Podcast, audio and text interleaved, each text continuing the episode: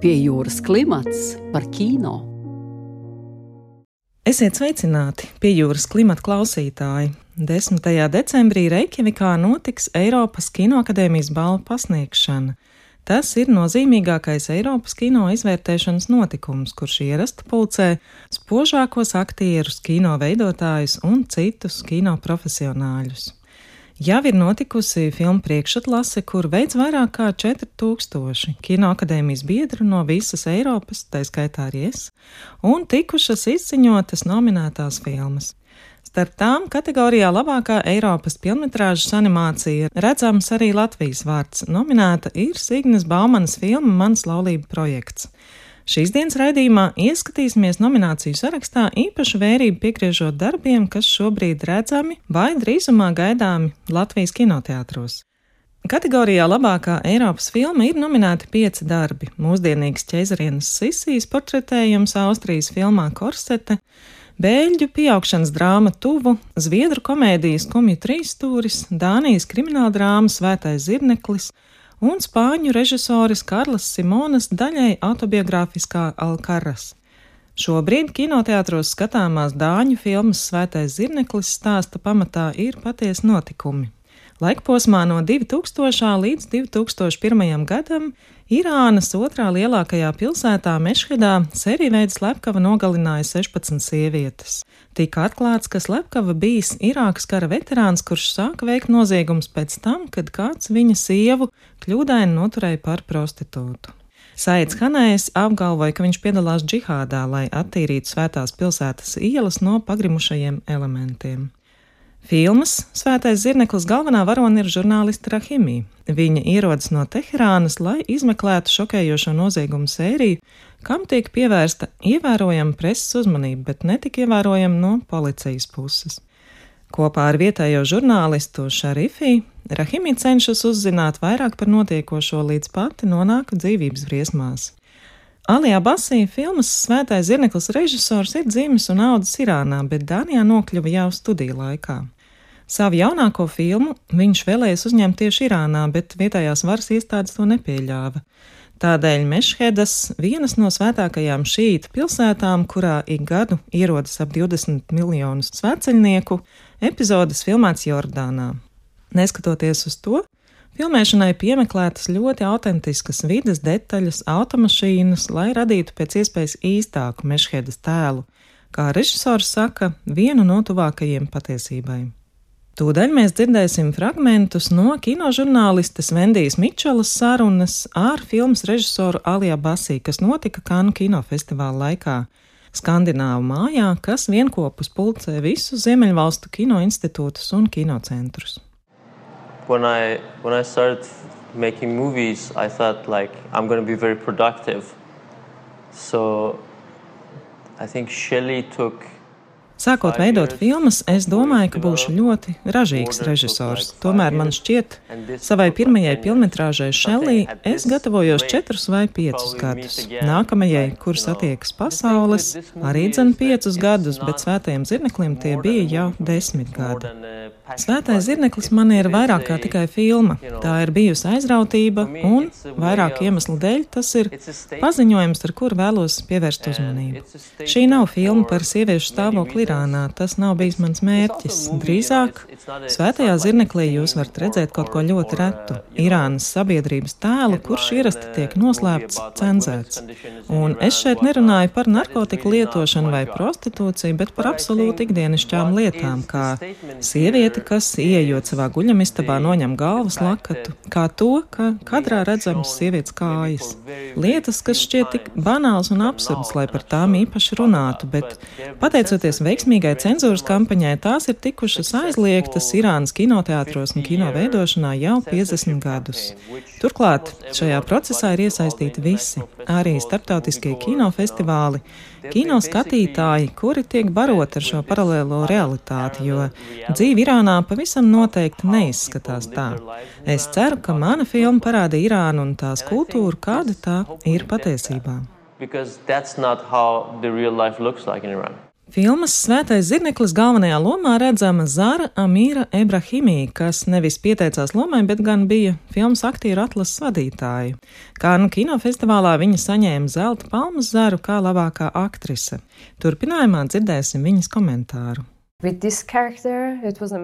Darbs pie šīs lomas bija fantastisks, jo es Rahimī it kā atpazinu. Viņa jau bija manī. Varbūt tādēļ, ka man ir šī īpašā pieredze, ko tas nozīmē būt sievietei Irānas sabiedrībā.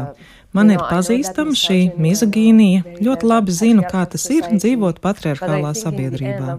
Tomēr kopumā tas nav stāsts tikai par Irānu, tas ir universāls.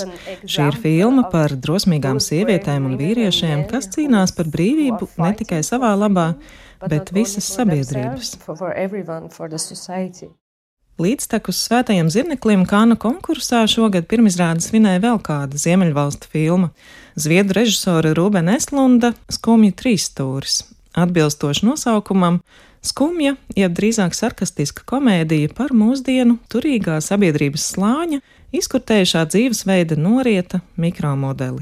Skumja trīsstūris ir satīra, kurā sabiedrības lomas un šķiras ir apvērstas otrādi un tiek atklāta skaistuma, trauslā ekonomiskā vērtība.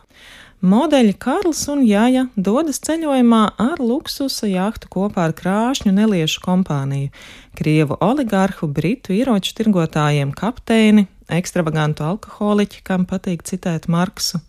Ceļojuma sākumā viss šķiet instagramīgs, bet vētra to izmaina. Pasažierus nomocījusi jūras slimība un jahta iet bojā. Tomēr tas ir tikai sākums pārmaiņām nelielajā sabiedrībā. Kānu kinofestivāla laikā, neilgi pirms filmas pirmizrādes, režisors Rubens Eslunds stāstīja vairāk par savas filmas ieceri. My partner Sina, she is a fashion photographer. Mana draudzene ir modes fotogrāfe. Astoņus gadus atpakaļ, kad mēs iepazināmies, es viņu sīki un smalki izvaicāju par modes industriju un sāku vairāk domāt par skaistumu. Par skaistumu, kas kā fenomens ir biedējošs un pievilcīgs vienlaikus, jo tas ir mūsdienu hierarhiju sastāvdaļa. Skaistums var kļūt par valūtu, par kaut ko, kas palīdz jums nokļūt slēgtās sabiedrībās. Un man tas bija izējas punkts, kad es nolēmu, ka manas filmas galvenie varoņi būs divi jauni modeļi - vīrietis un sieviete. Ārkārtīgi interesants šķita fakts, ka vīriešu modeļi pelna trešo daļu no tā, ko sievietes modelis. Tā ir viena no retajām profesijām pasaulē, kur vīrieši saņem mazāk kā sievietes.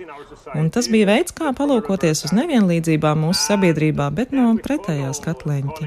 Manas filmas varoņi, modeļi Karls un Jāja tiek uzaicināti ceļojumā ar luksusa jahtu tieši pateicoties savam skaistumam.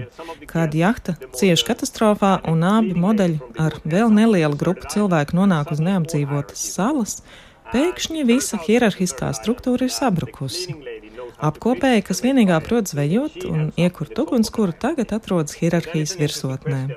Un rodas interesanta situācija, kā šis vīrietis, modelis, liks lietā savu valūtu, savu izskatu uz salas. Mani saistīja behavioristiskā perspektīva šim stāstam. Esmu aizrāvies ar socioloģiju, kas man palīdz izprast cilvēku uzvedību. Par labāko režiju EFA balvai nominēti Marija Kreicer, filmas korseta režisore, filmas tuvu režisors Lukas Dons, Rubens Eslunds par filmu Skumi trīsstūris, Alijā Basī par filmu Svētais zirneklis, filmas Sentomēr, režisora Alisa Diopa un poļu vecmeistars Ježīs Skoļimovskis par filmu Eo. Mārijas Kreiceras filma Korseta ir izraisījusi plašu skatītāju interesi pateicoties nekonvencionālajam ķezerienas sisijas dzīves stāsta atveidojumam. Filmas ievadā redzam 1877. gada Ziemassvētkus, kad Austrijas ķezeriena Elizabete, to atveido uzlecošā Eiropas kinozvaigzne Vikija Krīpsa, svin savu 40. dzimšanas dienu. Kā imperatora Franča Jozefa pirmā sievai, Viņai jāpilda tikai reprezentatīva loma, mūžīgi paliekot jaunajai un skaistajai ķēzarienai. Lai attaisnot šīs cerības, viņa ievēro stingru badošanās, vingrošanas, frizēšanās un ikdienas vidukļa mērījumu režīmu. Taču Elizabete ir izsalkusi pēc zināšanām un dzīves prieka, un arvien vairāk pretojoties hiperbolizētajam priekšstatam par sevi, viņa vairs nevēlas dzīvot dzīvi, kuru ierobežo korsete. Intervijā režisora atklāja, ka nebija redzējusi slaveno Sisijas triloģiju ar Romiju Šneideru titulomā pirms sāk izpētes darbu pie savas filmas. Līdz 1996. gadam Kreicer dzīvoja Vīnē, kur ik uz soļa redzami Sisijas portreti. Tas ir viens no galvenajiem turistu magnētiem pilsētām. Tomēr lielāku vērību ķēzarienas dzīves stāstam viņa pievērsus tikai pēc tam, kad aktrise Vikija Krīpsa uzrunājusi Kreiceri stāstot par savu vēlmi filmēties pie viņas Sisijas lomā. Tad arī papētot sīkāk ķēzarienes Elizabetes dzīves gājumu, atklājies, ka pēc 40. Jubilejas iestājies krīzes posms viņas spožajā galma dzīvē, kad viņa sāka protestēt pret reglamentu un stingro etiķeti, vienlaikus sākot izvairīties no pienākumiem un meklējot glābiņu izolācijā. Tas bija laiks, kad viņai acīm redzami bija kļuvis neiespējami iekļauties iepriekš noteiktā uzvedības un izskata formātā. Atziņa, ka ārējais veidols Sisijai bija vienīgais veids, kā iegūt atzinību un mīlestību, man šķita gan ārkārtīgi interesanta, gan būtiska, jo daudzās prasības, kas tika izvirzītas Sisijai, ir attiecināmas uz sievietēm vēl mūsdienās. Kreicer norāda, Būt skaistai joprojām tiek uzskatīts par sievietes vissvarīgāko un vērtīgāko īpašību, akcentējot to, ka vēstures gaita, emancipācija, kustība par sieviešu tiesībām neko daudz nav mainījušas. Sievietes ar lieko svāru vai lielāku gadu skaitli joprojām tiek uzskatītas par mazāk vērtīgām. Savukārt pievilcīga sieviete joprojām pozitīvi ietekmē vīriešu statusu. Kā vienīgo atšķirību starp toreizējo un tagadējo, Kreits arī izceļ 19. gadsimtam raksturīgo tiešumu šādos jautājumos.